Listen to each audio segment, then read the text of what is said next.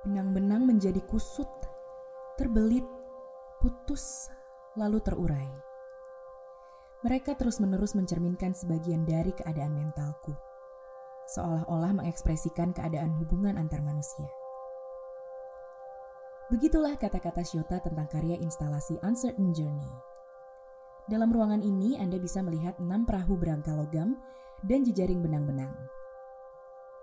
Setelah mendapatkan pengakuan internasional saat mewakili Jepang di Venice Biennale pada tahun 2015, melalui karya ini Shota mengembangkan instalasi benang dan perahunya secara lebih abstrak dalam pameran tunggalnya di Plain Southern di Berlin, Jerman pada tahun 2016.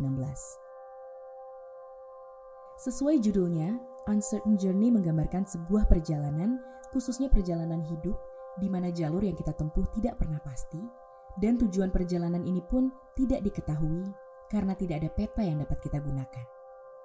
Mari kita menyusuri ruangan. Apakah Anda menyadari bahwa perahu-perahu yang terpisah dan tersebar di seluruh ruangan ini terhubung dengan benang-benang merah?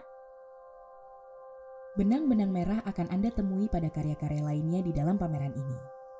Chiharu Shota menggunakan benang merah untuk bercerita tentang manusia dan ikatan-ikatan yang menghubungkan kita.